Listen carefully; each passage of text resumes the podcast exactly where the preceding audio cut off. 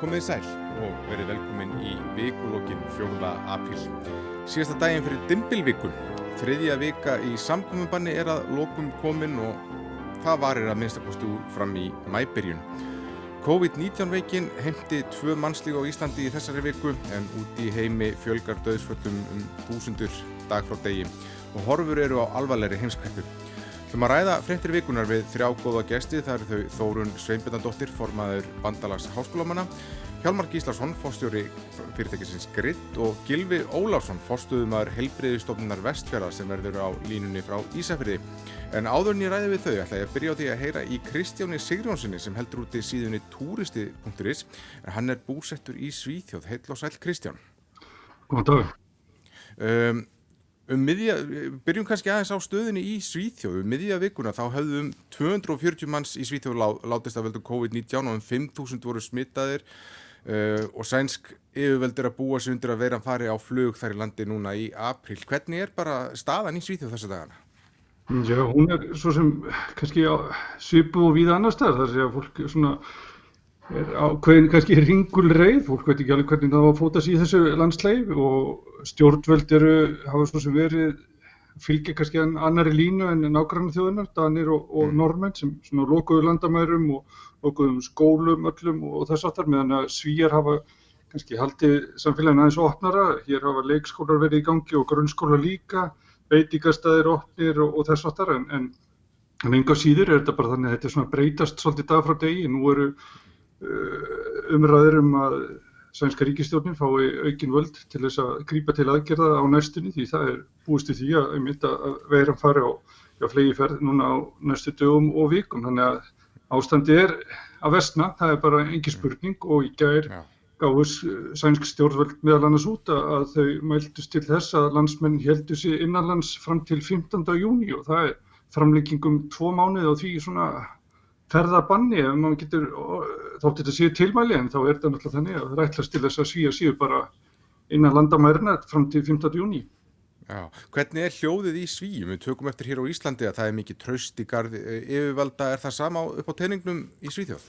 Nei, það er nú ekki alveg þannig, hann til dæmis smittsjúkdómalæknirinn hér, hann hefur verið svolítið umdeldur og hérna það tala um hann svona skiptið þjóðinni í, í tvær ólíkar fylkingar og, og það hafa svona Hávarir álitskjafar eins og til dæmis rítstjóri stærsta dagbladsins, Dagins Nýheter, hann hefur verið gaggarinninn á það að svíjar fylgji ekki sömu stefnu og, og nágrannaríkinn, þannig að þetta hefur verið svona, neða ekki alveg sami einhugur hér eins og maður upplifir að er á Íslandi. Mm. Um, mér okkar að ræða þess við um ferðarþjónustuna sem er svo atvinnugrein sem hefur tekið einna þingsta höggið svona framann af. Það var sagt frá því í vikunni að hér á Íslandi, það er á bylinu 100 til 500 ferðarmenn hér á landi. Hvernig er bara landslægi í greininni eins og er? Ég held að það sé bara hótt að segja að ferðarþjónustan og bara á Íslandi og annars þær í heiminum sé bara einfallega í mólum og hérna erfitt átt að sjá því sko hvernig framaldi verður. Ég sé könnum til dæmis í Nóri þar sem við talaðum að tvö af hverjum þremur ferðarþjónustu fyrirtækjum telli sér vera nálagt gjaldfröndi og allir staðan sé það bara ekki já, álíka á Íslandi og jafnvel verri. Gleimi því ekki að sko Íslandíkar sjálfur þótt að þeir fari tölvert á ferðina og fara að ferðast mikið innanlands að þá erum við bara svo fámenn í, í landi þar sem ferðamenn hafi verið margir að við náum eiginlega ekkert að fylla upp í það skar sem erlendu gestinir skilji eftir sig þannig að við erum kannski í verri málum en margir aðrir þegar það kemur á því að trista sérsagt á ferðalög innanlands. Mm. En eins og í Evrópu um, sumari framöndan eru menn bara ekki einfallega búin að afskrifa það? Jú, mér sýnist að langt flestir, ég sá sérstaklega eins og Íslandi og líka ég sá viðtal við ferðarfrumiði á Greiklandi sem töluðu um að sumari væri eða farið og, og þar eru staðan svo sama kannski á heima. Þar að segja að ef það er ekki trafík yfir hásumari þá lifur við sjálfur sér ekki af veturinn. Eða þetta er eitthvað ferðarþjónustu fyrirtæki það byggist eiginlega afkoma ásins á því að sumari verði gott og þegar það dettur út þá náttúrulega segir að það sé eiginlega sjálft að veturinn verður erfiður og fáið sem kannski komast á í gegnum hennan erfiða kapla og, og spár til dæmis alþjóðarsamtækja fljóðfélaga, ferðarmálanemndar saminuð þjóðana og fleiri aðlag þær gerir allar ráð fyrir því að eftirspurnin verði mjög lengi að taka við sér að það sé að þrátt fyrir að ferðaviðvarnir verða felta nýður og landamæri opnist að þá munir líða tölveri tími þóngar til að fólk fara á ferðina á ný og, og sérstaklega þegar kemur kannski ferðalögum til fjarlægari landa þannig að við getum kannski mm. séð fram á þetta taki bara einhver ár að hérna, verða eitthvað svipa og það var hérna fyrir í, já, fyrir, í fyrra og árin þar undan. Hvað eins og með flugfylgjum? Það hlýtur að vera viðbúið að mörg þeirra bara munir hennilega verða gæltróta? Já, það verður bara vera þannig að langt flest þeirra eru bara á leiðinni í fann ríkisins. Ég var nú sóttin og fund í byrjun massjá í, í Brussel þar sem að fórstjórar stærstu flugfélagi Evrópu voru samankomnir og og þá var, svona, var ástandið svona, var þetta að byrja? Og þá sagði til dæmis fórstjóri Ryanair, hann gerir bara ráð fyrir því að hérna heilbrið skinnsemi myndi nú ná tökum eh, fljótlega og fólk farið að panta flug með það í einan tveggja vikna, það hefur nú heldur betur ekki ræst og nú er flugflóti Ryanair bara allir á jörðinni, e, Lufthansa sem hefur nú verið svona eitt stönduðasta flugfélagi Európu, það eru við, viðræður núni í gangi um að Þískaríki sko ekki bara láni félaginu, heldur komin sem hluthafi og þessar umræður eru mjög víða. Í Svíþjóð er það náttúrulega þannig að Sænska ríkið á um ja, 15% í SAS flugfélaginu og Danir eru með álíka stóra hlut og ríkistjórni þessar að tvekja landa ætla að bæði að veita SAS lán og, og jáfnvel að setja inn ekki hlutafið. Í Finnlandi þar er finski fósættisraðherran, hann er með 55% hlut í, í, hérna, í Finner og, og þau hafa sagt að þau ætla að bakka það félag upp, þannig að þetta er bara umræðan allstar og ég, í sjálfu sér, mann getur gert ráð fyrir að einhvers svipar verið på terninum verðandi Æslandir á næstu dögum eða allavega náður en að þessi mánu er í liðin, að við sjáum einhverjar tölvera breytinga þar verðandi hlutafar komið með ekki fjöð eða ríkið stýði við félagið. Já, það er náttúrulega mikil óvis uppi en bara býrsna líklegt að þegar þetta er afstæðið þá stöndu við frammi fyrir bara breytri heimsmynd í ferðarþjónustu. Já, það hefur verið nefnilega ótrúlega spennandi kannski að sjá hvernig þetta gerist og hvernig Já, næst að vinna úr stöðinni því að það er náttúrulega engin spurning að hér hefur, eins og til dæmis á Íslandi, hefur fjárfæst náttúrulega þannig að ferðarþjónustan á að geta tekið á móti þessum tveimur miljónum gesta ári eða, og, og fleirum. Og ef það fækkar verulega í þessum hópi þá náttúrulega segir það sér sjálft að þarna já, þá hefur verið offjárfest síðustu ár og standa eftir hótelbyggingar og, og fleira sem mun ekki nýtast almennilega þannig að þetta er, og þetta er náttúrulega bara staðan eh, við sjörum heiminn. Þakka að kjallaði fyrir spjallið Kristján Sigurjónsson og hafið það gott. Takk svo mjög.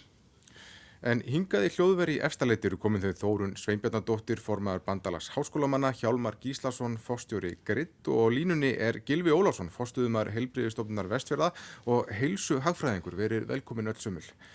Uh, Gilvi, ef við byrjum á, við byrjum á þér, uh, já, hver er staðan fyrir vestan? Það var sagt frá því í gæra að alls eru 20 starfsmenn heilbriðistofnunar Vestfjörða í Sottkví, þar af um helmingur þeirra sem starfa á hjúgrunarheimilinu Bjarki í Bólungavík. Um, og allir vissmenninni þar líka í sótkví. Hvernig, já, þú sjálfur, þú þá vantilega í sótkví líka? Nei, ég er að vísa ekki í sótkví, en uh, uh, sjúkrunarheimilið í Bólungavík heitir Berg og þar hefur verið alvarlegt ástand. Ég menna smitinn og sjúkrunarheimilið er það sem að allt kapp hafi verið lagt á að koma í vegfyrir í þessum faraldur, mm -hmm. vegna þess að veiran leggst helst á, eða verst á, á eldra fólk.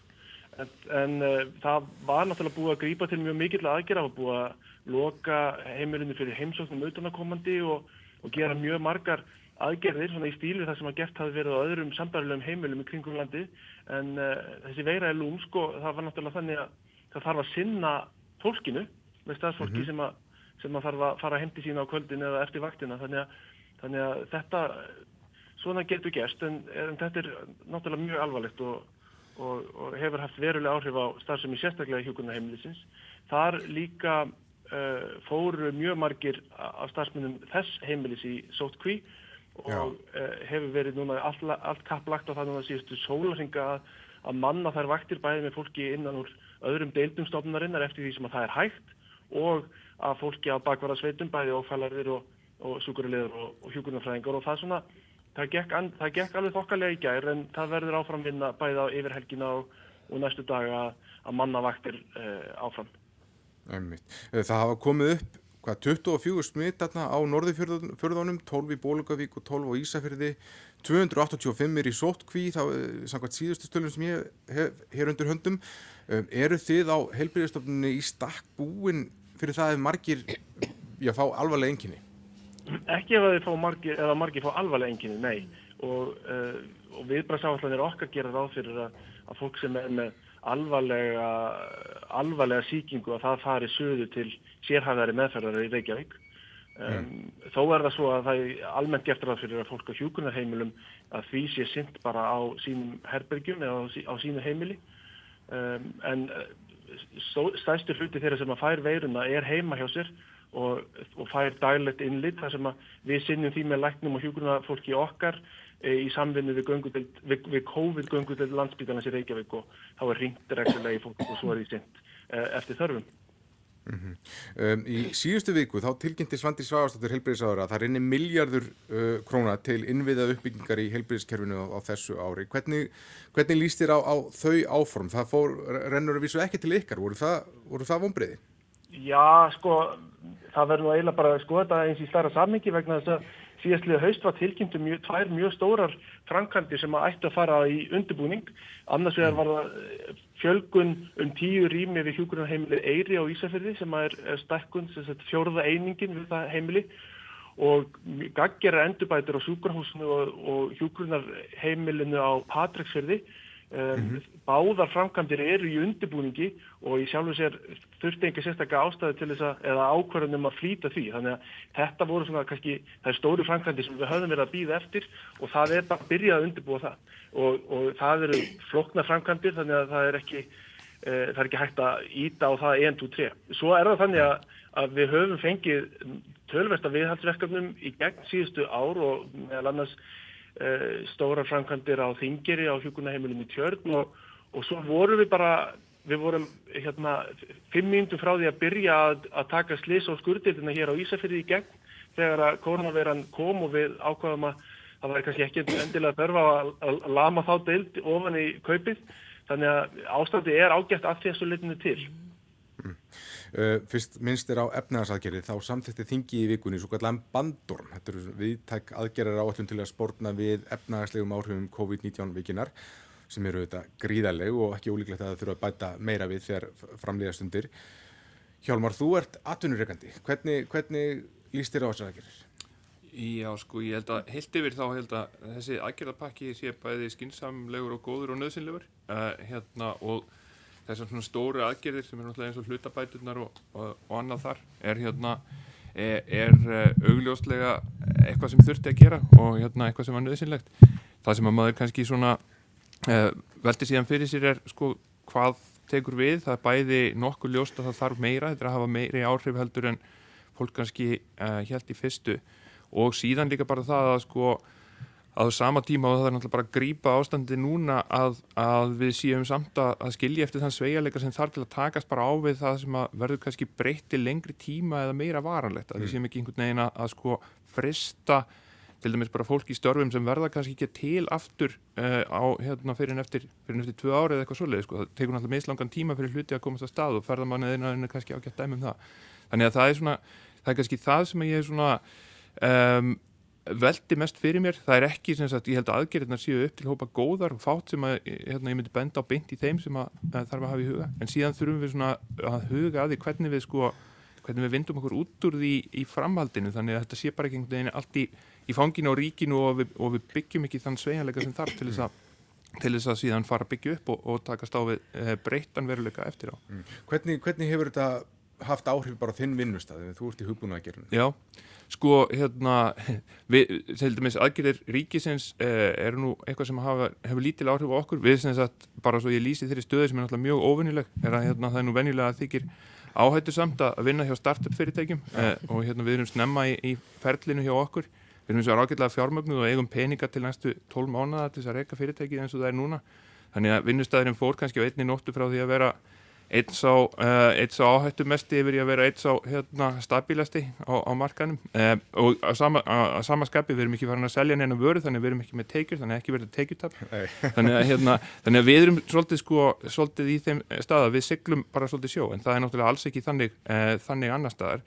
Eh, það sem hefur, þetta hefur haft áhrif er að við náttúrulega fórum líka mjög skindilega, við höfum verið, lagt mikið upp á því að vera á einum stað. Já. Og geta verið svona, svolítið að láta hugmyndirnar flæða, uh, flæða á millokkar á, á staðinum og svo framvegis.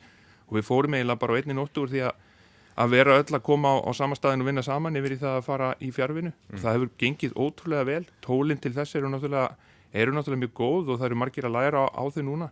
Og það er svo sem eitt af því sem ég held að verði síðan varanlega breytingar svona heilt yfir, ekkit endilega kannski hjá okkar fyrirtæki nema að litlu leiti en bara í heiminum öllum hafa fólk búið að sjá að það er að gera miklu fleira án þess að vera endilega eittast og án þess að vera endilega fljúa á milli staða, það kemur ekki í staðin fyrir það. Það er ekkert sem að kemur í staðin fyrir það að hitta fólk örytti til öryttis en, en það er kannski hægt að gera miklu fleira heldur en fólk hafi átt að segja á og ég, hérna, ég held að það verði, verði varaleg breyting. Þórun, hvernig líst þér á þessar aðgerðir? Mér líst í sjálf og sér ágætlega á þessar aðgerðir svo langt sem er ná. Eh, það var auðvitað ljóst að það varð að uh, grípa til býstan stórtækra aðgerða saman byrj hlutabæturnar, greiða laun, fólks í sótt kví að sjálfsögðu og uh, bregðast hannig við ástandinu á vinnumarkaði. Það er þetta gríðarleg aukning á atvinnuleysiskráni og margir á hlutabótum eins og kom fram bara í frettum síðast í gær hjá fórstjóra vinnumálastofnunar. Um, það skiptir líka máli að ríkistjórnin hafi sett af stað þessa fjárfestinga áætlun, sagt, uh, samþygt fjáröka lög, þau fyrri á þessu ári. Og þar, þó ég verður nú að segja eins og er að hinnar almennu aðgerðir eru býstna hefðbundnar. Og ég gerir mér alveg grein fyrir því að það er eh, margt sem að er nærtækt í samgöngu framkvæmdum mm -hmm. og öðru slíku og tilbúið í skipulagi og annað og að sjálfsögðu er gott að geta ráðust í framkvæmdir sem að eru komnar þangað sem er bara hægt að starta þeim núna. E, það gladdi mig og okkur í BHM að sjá að það var verið að, er verið fyrir gjöðu að veita fyrir til skapandi greina, e, til sjóða, e, bæði e, verkefnarsjóða, listamanna, vísindarsjóða og annars slíks til orkuskipta og, og annars þess sem kannski skiptir mestu máli í þessari stöðu sem við erum í. Af því að núna erum við í þessum fyrsta fasa, við erum auðvitað í að fara öll að lifa eftir neyðarstígi almannavarna og, og það er mjög þakkarvert hvað það hefur gengið vel. Um, við vitum hins vegar að þessi uh, þessi veira ég meina hún gengur yfir mm -hmm. með mhm. einhverjum hætti, við vitum bara ekki alveg hversu langan tíma það tekur, getur tekið upp undir hálft ár að, að fara í gegnum það versta e, og það þetta er mjög djúb kreppa sem það veldur hér í atvinnulífi og á, á vinnumarkaði og fyrir venjulegt laun á fólk og fyrir rekstur fyrirtækja en ég held að það sé mjög mikilvægt og minnst nú Hjálmar kannski benda í mitt á það í sínu startöppi sem að eh, siglir núna lignar í sjóu en ímis önnur fyrirtæki að það er lang mikilvægast að við sem samfélag og stjórnveldu þetta horfum fram á veginn mm. Eh, hvernig við ætlum að byggja upp í kjölfar þessarar vonandi skamvinnu kreppu og mér finnst því miður bera ofmikið á því að það sé verið að taka framlausnir sem hefði hendað ágætlega árið 1970 en við erum komið 20 árin í 2001. aldina og við bara verðum að fara að skipta um gýr og búa til nýja ratvinnugreinar og minna, ferðamanna hrunið sem nú er orðið er ferðamanna brestur, rétt eins og loðnubrestur, við kunnum á svona hluti, við, við kunnum á auðlindabresti og höfum alltaf útbúið okkar samfélag með tilliti til þess, en við verðum að fara að byggja upp fleiri atvinnugreinar, fjölbreyttari tækifæri fyrir fólk á Íslandi til þess að verða ekki svona viðkvæm fyrir þessum sveiplum. Mm. Gilvi, stjórnarnanstæðan talaði um það að ríkistöndin ætlaði að steipa sig út úr þessari eh, greppu og gaggrindi að vera ekki sett meira í nýsköpun eða vildi að laði til að vera sett meira í nýsköpun. Um, já, hvernig líst þér á þessar aðgerir? Hefur þú viljað sjá eitthvað öðruvísi? Nei, ég held að þetta sé ansi, uh, ansi gott hjá hann Hjálmari sem hann er að segja um að, um að með ekki steipa hérna hækjari framtíðarinnar í mótið fyrir koronavírusin vegna þess að, eða koronaveiruna vegna þess að, að þetta mun hafa veruleg áhrif. Ég held að þetta djúbstæði samfélagsáhrifin sem þetta mun valda séu, séu ansi mikil og ég, hérna, af því að ég er nú hérna á Ísafjörðu og ég get úr, hérna, út um gluggan horta yfir höfnina að um, já sko það er náttúrulega hægt að, að fara í ansið hressilega svótgreininga á þessu hverju eru styrkleikar, veikleikar og það allt saman. En, en, en sko borgir munu vantilega verða veikari en, en vel internettengti staðir verða sterkari. Um, en ég er ekki vist til dæmis um að skemmtiskipa einnaðurinn verði sérstaklega sterkur eftir að mm. hérna, eftir þetta. Ég er ekki viss um að verði margir uh, 60 ára pluss sem að vilji fara í þröngur rými og ferðast á milli staða Um, þannig að það verður að passa sig að, að, að það er lausnin sem við finnum að það ger ekki ráð fyrir að allt verði eins og það var áður en að þessi veira kom. Mm. Um, það er ennþá verið að takast á um einhverjar útfæslur og, og, og því lukt þórun ASI til dæmis, það hafnaði umleitinum samtaka atvinnulífsins í, í vikunni um að mótframlag atvinnureikanda í lífeyrisóði er því lækkar. Þetta er ekki óumdillinan ræða ASI, uh, þeir Vilhelmur Birgisson og hann saði af sig sem var að fósildi og Ragnar Þór hætti í miðurstjórn og Vísu komur einhverju þreyfingar um að þeir komi aftur en, en eftir samanlega sér ákvörðun ASI? Já, ég er það og ég held að uh, það sé ímis freysni vandi í þessari stöðu og til dæmis er þetta eins lík hugmynd. Uh, við verðum að standa vörð um yðgjöld launafólks í lífeyrisjóðum. Við eigum eins og sjóði saman, atvinnureikundur og launafólk og þetta hefði, jú, ég held að þetta hefði verið svona svolítið eins og að pissi skóin sinn sko, það er svolítið lít fyrst og svo verður það bara mjög óþægilegt. Og ég eh, fagna því fyrir mitt leiti að miðstjórn ASI hafi ákveðið að hafna þessu tilbóði aðtunreikanda. Auðvitað sjáum við fram á eh, að það, að það þarf að grípa til óvenjulegra aðgerða í þessari stöðu og það er mjög mikilvægt og við hjá bandalega háskólumanna leggjum, leggjum miklu áherslu á það að öll heildarsamtöku vinnumarkaði verði með í því samtali. E, Alþjóðsambandið er vissulega stó, stort og stert en við erum þarna líka BHM, BSB, kennarasambandið og það skiptir mjög miklu máli í þessum aðstæðum að það tali allir saman. E, við auðvitað erum, e, það, það liggur fyrir að til skamstíma eru gríðarlega áhrif á almennum vinnumarkaði, mjög mikið aðtunuleysi. Uh, við sáum þetta líka eftir hrun þó að það hafi verið margt ólíkar aðstæður, ákveðnar aðtunugreinar þá sem bara hreinlega hrundu. Það er byggðust hins vegar til dala hrætt upp aftur. Mm. Uh, það sem gerist hins vegar hjá ofinbjörnum starfsmönnum sem eru núna svo sannarlega í brennidepli í viðurregninni við koronaveruna að það verður það verður gríðalegt álag, það verður niðurskurður, það uh, eru teknar af oft svona ímis uh, kaup auki, við sáum nú dæmum það hjá hjókunarfræðingunum núna í vikunni. Og síðan í rauninni ef það er ekki sko, sett meira fjö í til dæmis í ofnbært helbriðiskerfi að þá munum við áfram sko, eftir að við komumst í gegnum þessa, þessa djúbulæð þá mun það ekki standa einn stert á það gerði fyrir. Við getum ekki sparað okkur í gegnum þetta þegar kemur á heilbreyðistjónustu. Við vitum núna að það er búið að leggja allt sem er ekki akut til hliðar í heilbreyðiskerfinu og landsbytalanum til dæmis.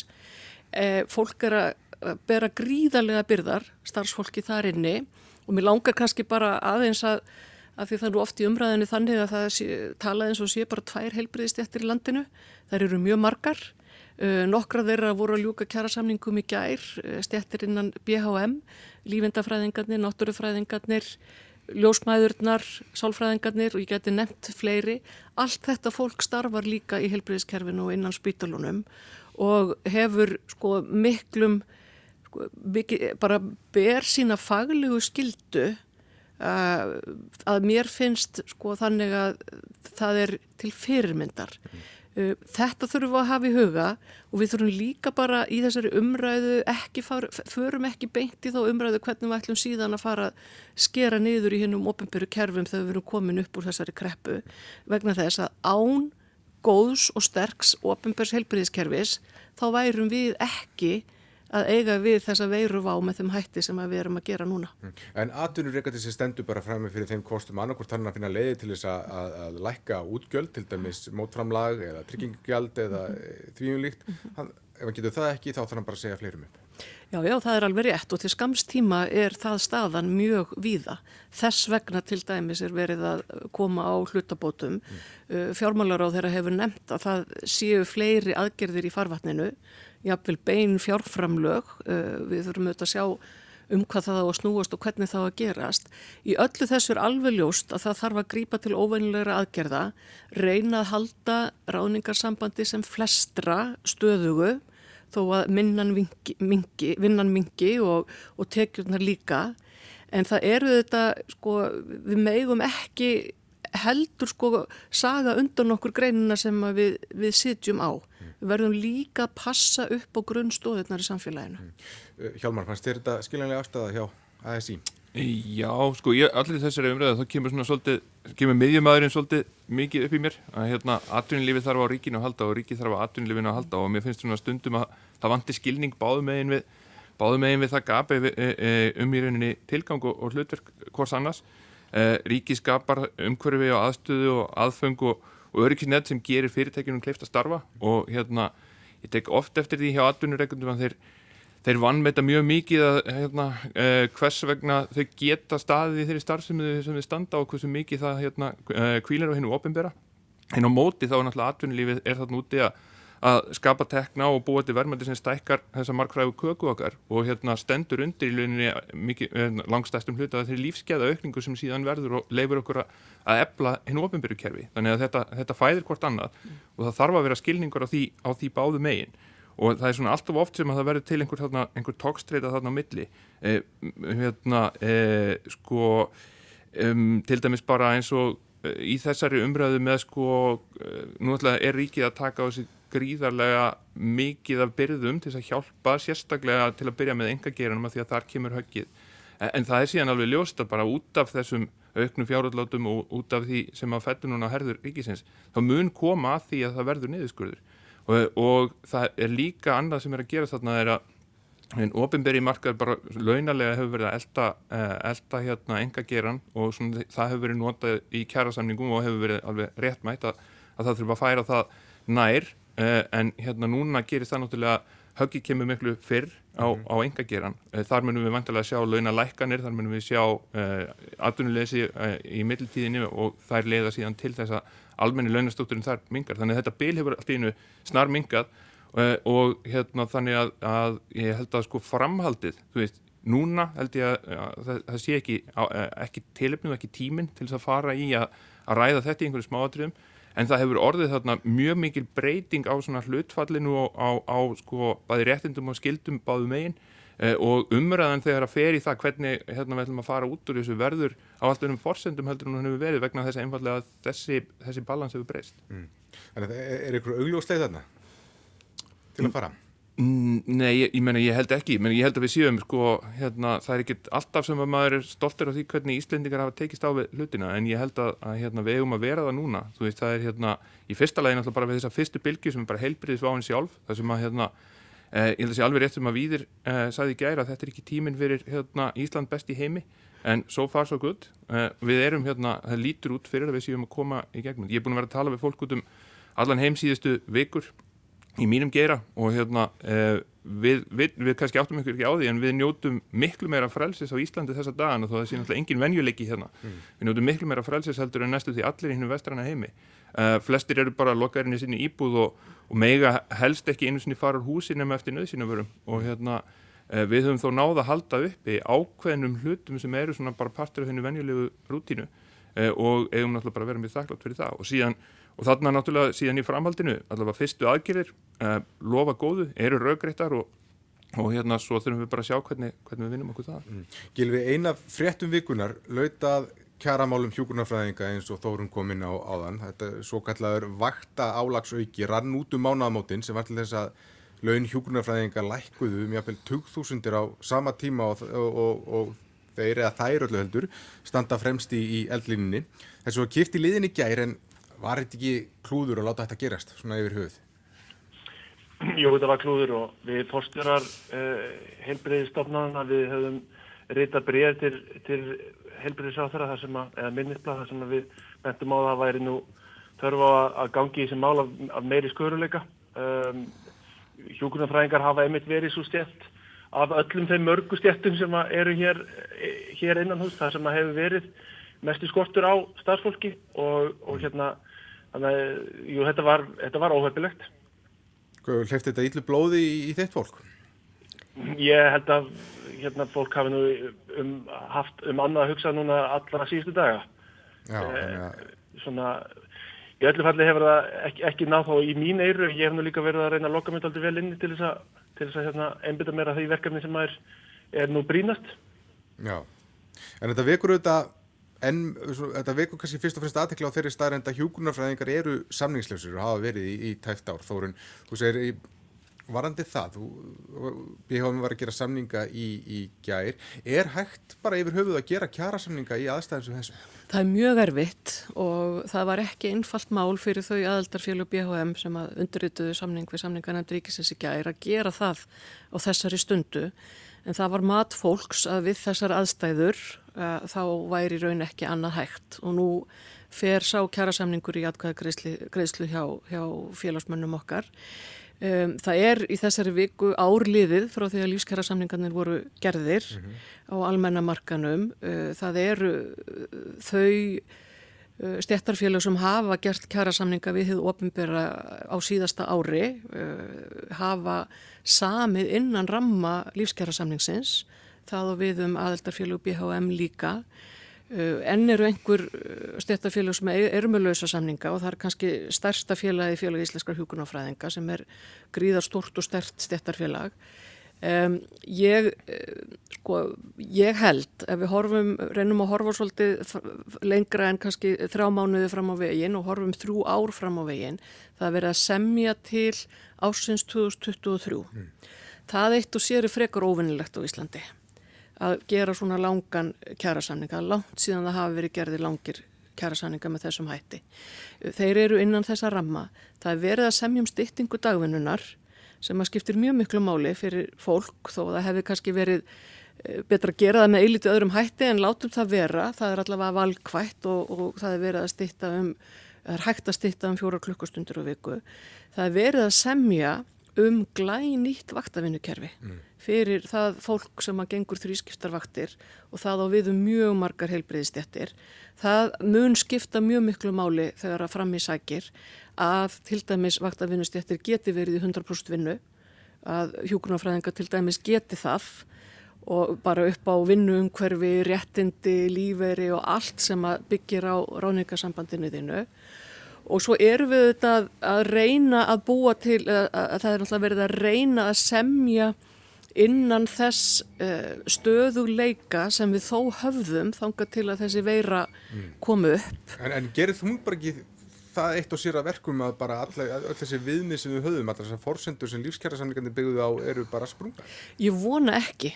Uh, ég ætla ekki það svo sem að, að segja af eða á um það, en ég held að það sé mjög mikilvægt að sigla í gegnum þennan, uh, þennan fyrsta fasa núna þegar við verum að eiga við bara þessar heilbriðis, eh, afleðingar fyrir heilbriðiskerfi, við erum að reyna við erum að reyna að slétta kúfin nú erum við öll orðin sérfræðingar í því hvernig þessi kurva á að, mm. á að líta út.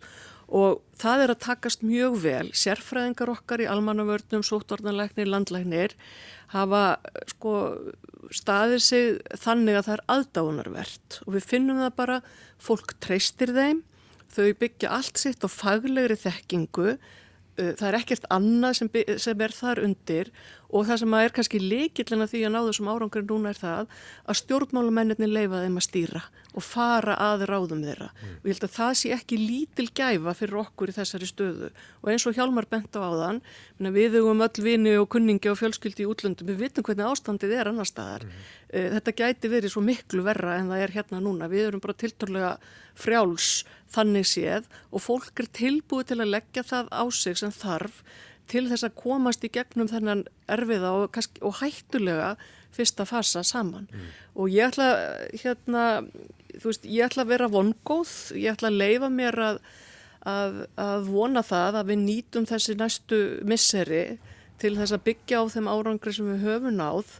Það er mjög mikilvægt, ég ætla að fá að ítrekka það að við notum að við sko treystum stóðirnar í grunnstóði samfélagsins, ofinbært heilbriðiskerfi, mentakerfi, rannsóknir og framþróun og förum ekki í gömlu lausninnar. Ef okkur tekst það, þá held ég að við getum svona litið tilbaka svolítið stolt yfir því að við höfum nýtt þetta uh, tækifæri sem við báðum ekki um með eins góðum hættu og hættir. Mm. Hjálmar, maður reynir auðvitað að sína stjórnvöldum skilning, þau standi í ströngu, mörg hortna líta og, og svo framvegis en það er nú ansi stórt glappaskot að láta álagsgreifslur falla niður á þá stjætt sem er stendur í, hvað, já, stendur í mitt fremst í eldilínni. Já, já, þetta er náttúrulega hérna, e, í, í svo sem þekkir þetta máli ekki í, í smáatriðum en náttúrulega bara öll áferðin á þessu gengur ekki upp. Líklega er þetta bara þannig að fólk hefur bara verið á, að fylgjast með öðru mm. og þetta hefur bara einhvern veginn dagað uppi. Þetta hefur aldrei verið látið gerð, þú veist, ef, að, ef einhver hefði leitað álit hérna PR manna eða eitthvað og vitað að þetta var að koma þá hefði þetta aldrei verið látið gerast, sko. E, en hérna, en e, já, það, þannig að það er, og það er kannski, sko, það er kannski hérna það sem er að koma í ljós núna, þú veist að aftur þetta, þessi, þetta, þessi balans á milli ríkisins og, og, hérna, e, og atvinnulífsins sem er mér svolítið hugleikin að við erum kannski svona að sjá núna hvað annars vegar markaður en ræður ítla við eitthvað eins og þetta mm. og hérna hvað þau, kerfi, þau samfélag sem að reyða sig hvað mest á, á, á markaðin til að taka á öllu eru að koma ítla út úr þessu og hins vegar bara hvað hérna hvað að e, skiptir miklu máli að hafa hafa þetta öfluga öryggisnetta öllu leiti og hérna eh, og ég hugsa svona að það kannski aukist svolítið skilningurinn á því og ég vil bara svona skilningurinn fyrir því eh, það eru oft verið hérna þau kom náttúrulega í þessum hérna, verkvöldum upp á síðkast og verið að tala um sko gildismat á mismunandi störfum og hvernig það hafi kannski sko laun hafi ekki alveg, alveg haldist í takti við það hvernig, við, hvernig samfélagið horfir á verðmætti starfana Já. og ég held að það sé ennfrekar satt núna, við erum náttúrulega að sjá bara ákveðin störf og hversu mikið svirðu þau eru og, og átt okkur á því að þau eru kannski alls ekki, kannski alls ekki greitt fyrir þau í samræmi við það verðmætti sem samfélagið hefur af þeim mm. uh, Gilvi, eitt af því sem hefur komið upp núna og, og ásjálfsagt eftir að ágerast um, það er hreinlega bara slagur um lækningatæki í heiminum.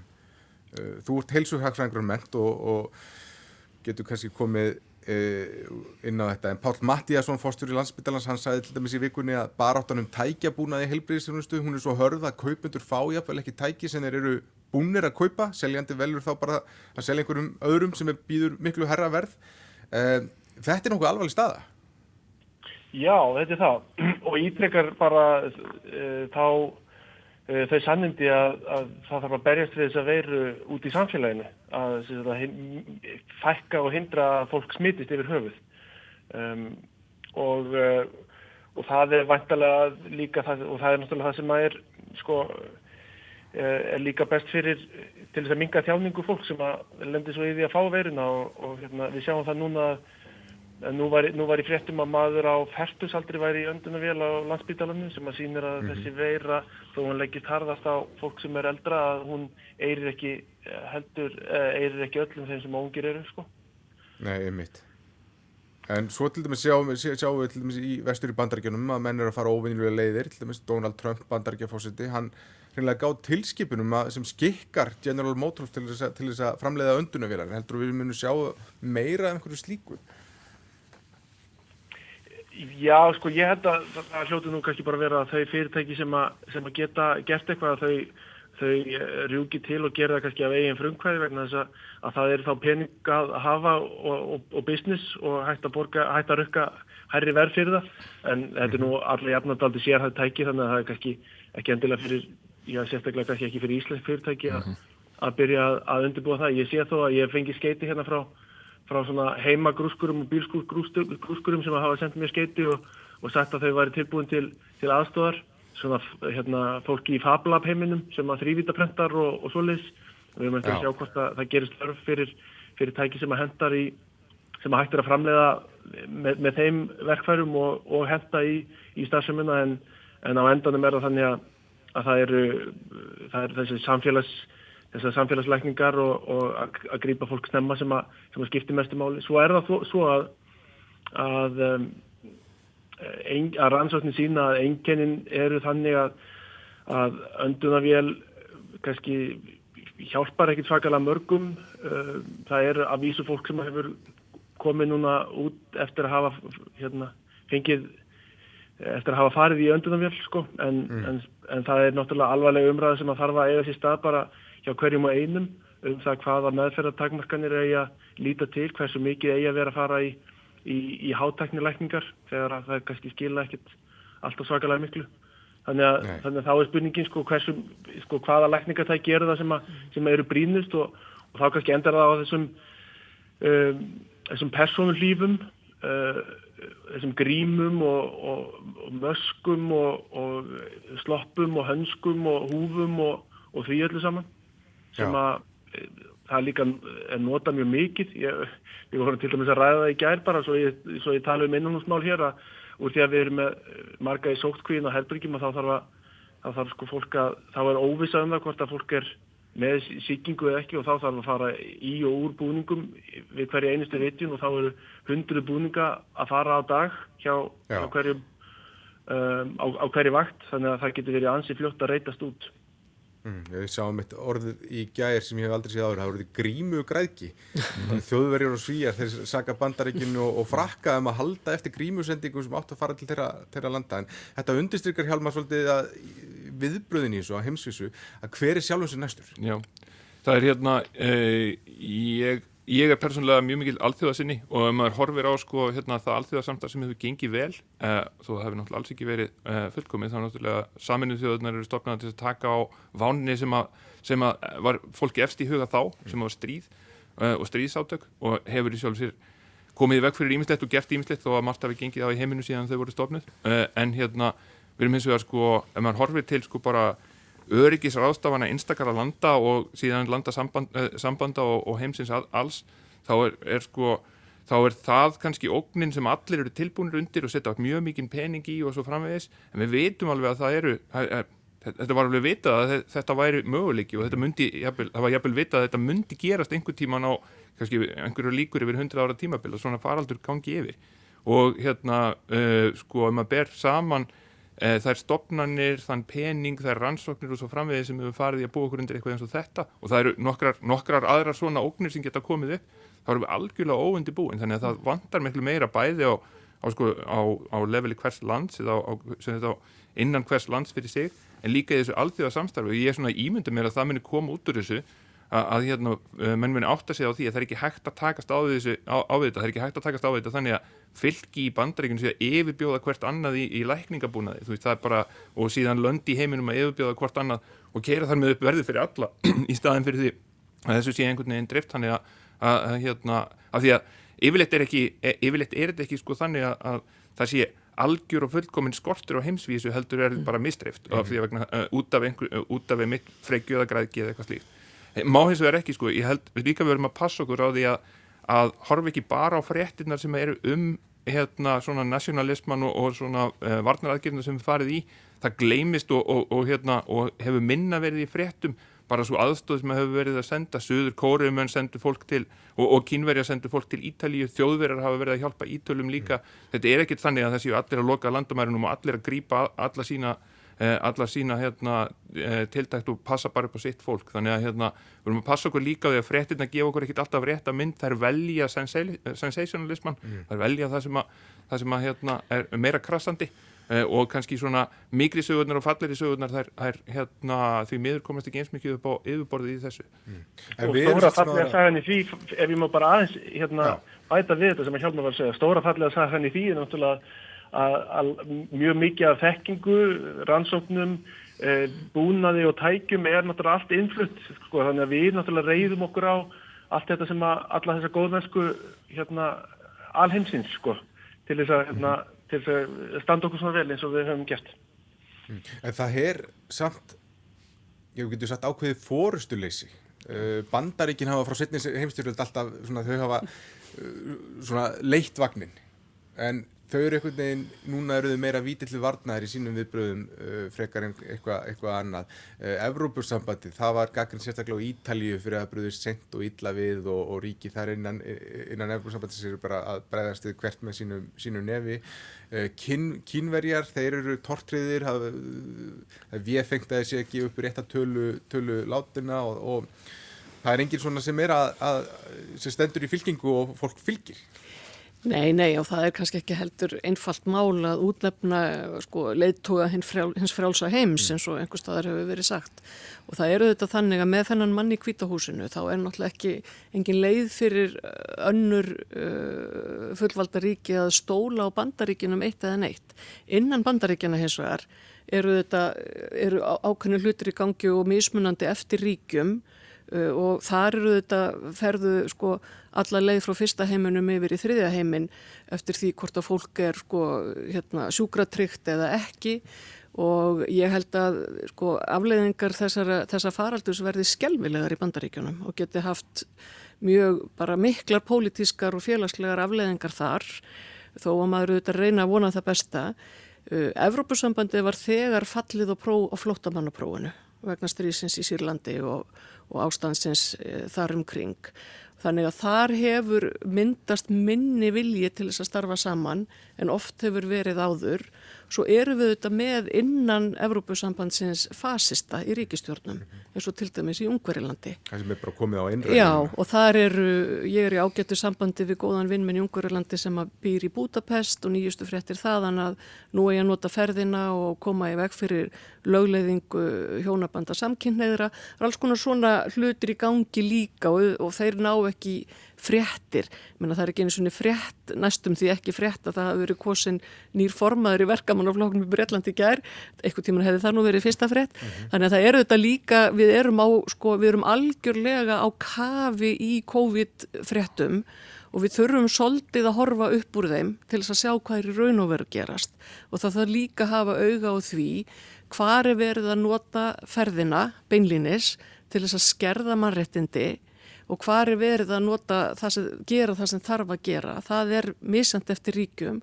Þetta kallar auðvitað á rosalega centraliseraðar aðgerðir og þær, þær eru alltaf hættulegar mm. en við verðum svolítið að gera það. Við erum að gera það er heima, það er neyðarstig almannavarna, það er þannig flestum öðrum ríkjum og þetta er vissulega mjög óvinnilegt ástand en við verðum að vona að þegar að það versta er yfir staðið að þá sé ekki búið að nýta ferðina til þess að grafa almennt undan réttaríkinu eða mannréttundu fólks. Já, ég hérna kannski bara rétt að grýpa þennan bolt á lofti sko, hérna við vorum að tala um að hérna áðan sko hvernig við þurfum að byggja upp aftur þegar að hérna þegar að tækifæri gefst í þess.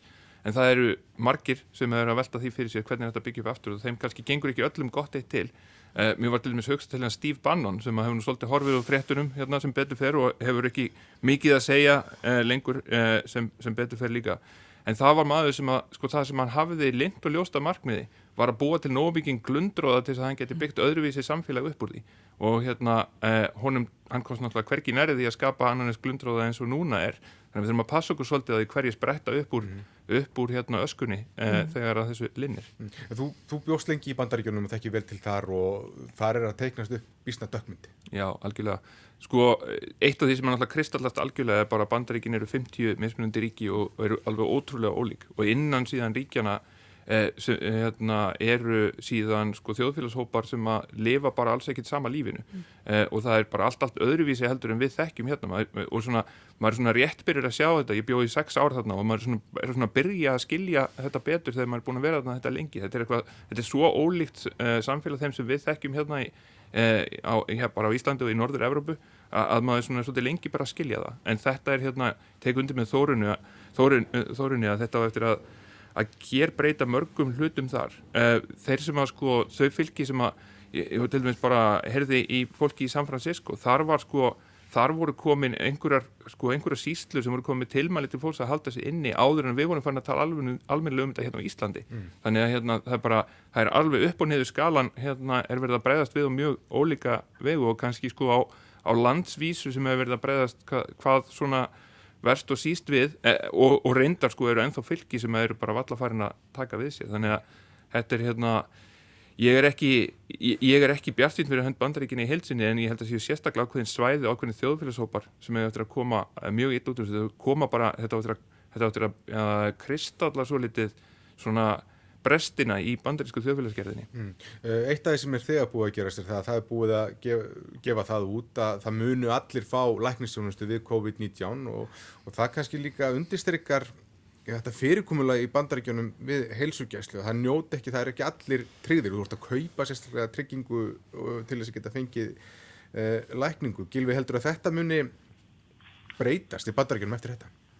Ég er ekki svakalega vel, læsa bandaríska pólitík vegna þess að ég veit allir spátum sem ég hef sett fram hafa reynst rángir meðal annars um að þegar Trump, Trump náði fylgi, náði kjöri og og svo hvaðan eh, verist einhvern veginn ennþá njóta stuðning síns flokks og svo leiðis sko.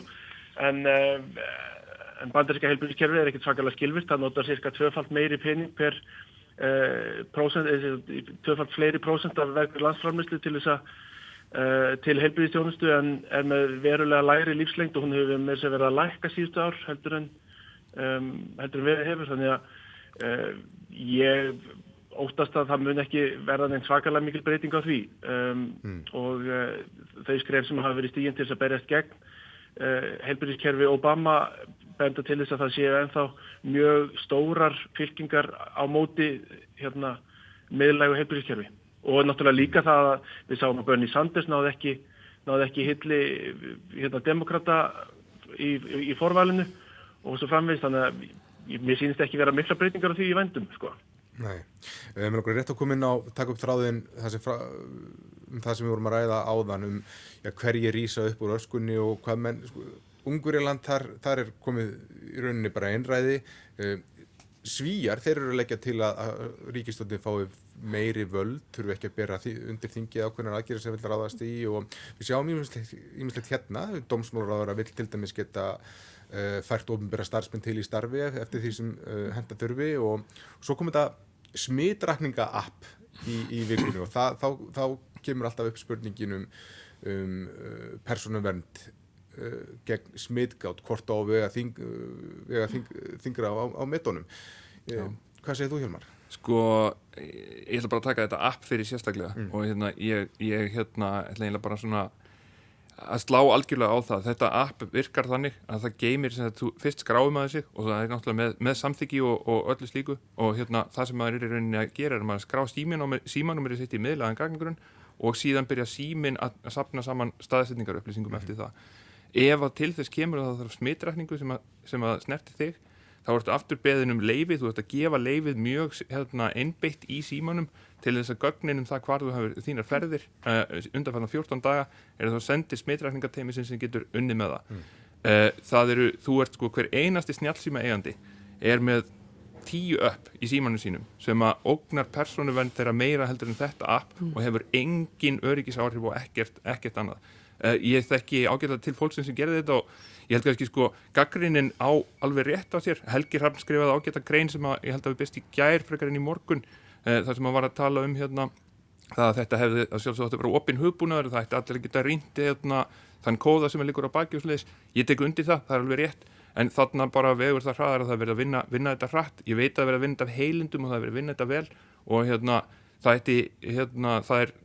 og það er, bara ógagn gert að einhverju leiti til að, að grafenda þessu frekar en að benda bara á almenna okk sem fælst í því að hafa gefið upp persónuvenda á alls konar levelum gagvart líka uh, aðlun sem við ættum í rauninni að bera miklu meira vantröst til heldur en ríkisins sko. Mm.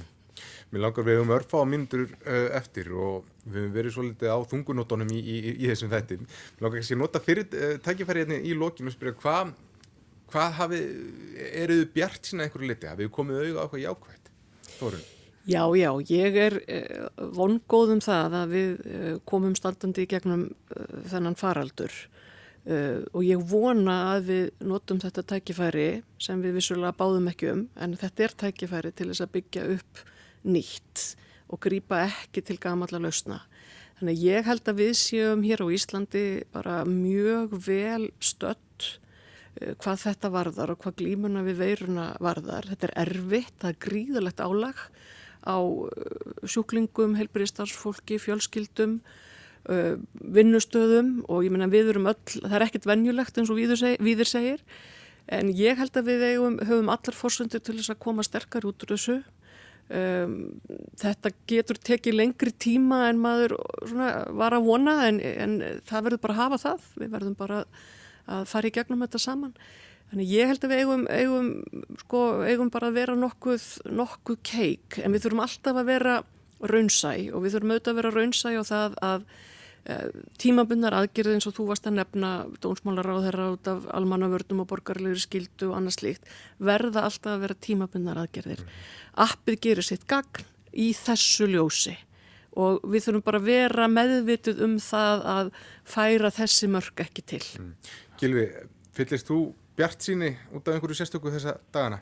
Já, það er margt sem að maður fyllist bjart síni yfir, sko. Mér er náttúrulega í fyrsta lagi kannski ég bara ánað með hvað stopnana umgjörun á Íslandi er sterk og, og ríkistjórnin, eða ríkis, eh, hérna, ríkiskassin er vel byrgur til þess að takast á við áfallið og ég sé að það ekki færi í að velmenta landsbyðin verði sterkari eftir því sem að, hérna, hluti fara meira að vera í fjárvinnu og meira út á netinu. Þetta er nú sparki í tæknirassin á okkur í heilbyrðiskerfinu að byrja að nýta okkur af, af, af hraðar af bæði við sem starfsfólk og við fáum sjúklingarna með okkur til þess að nýta tæknina meira til þess að gera þjónustuna betri, skilvirkari og þægilegri.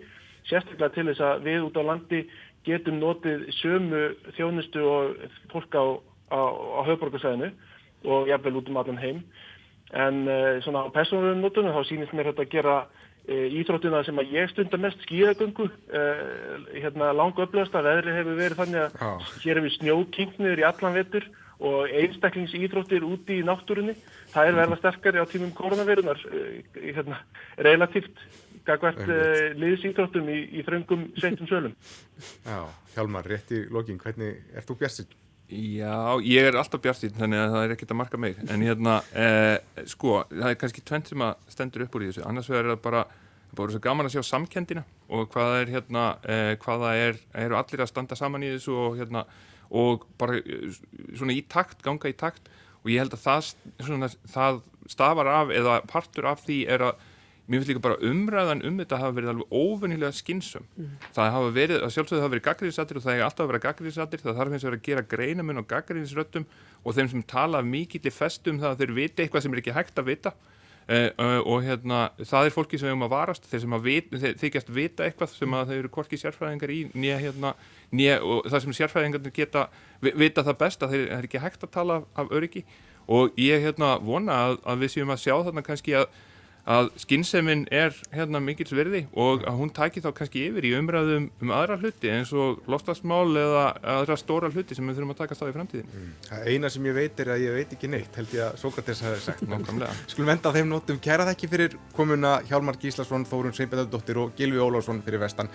Hafið það gott um helgina, verið sæl. Takk, takk.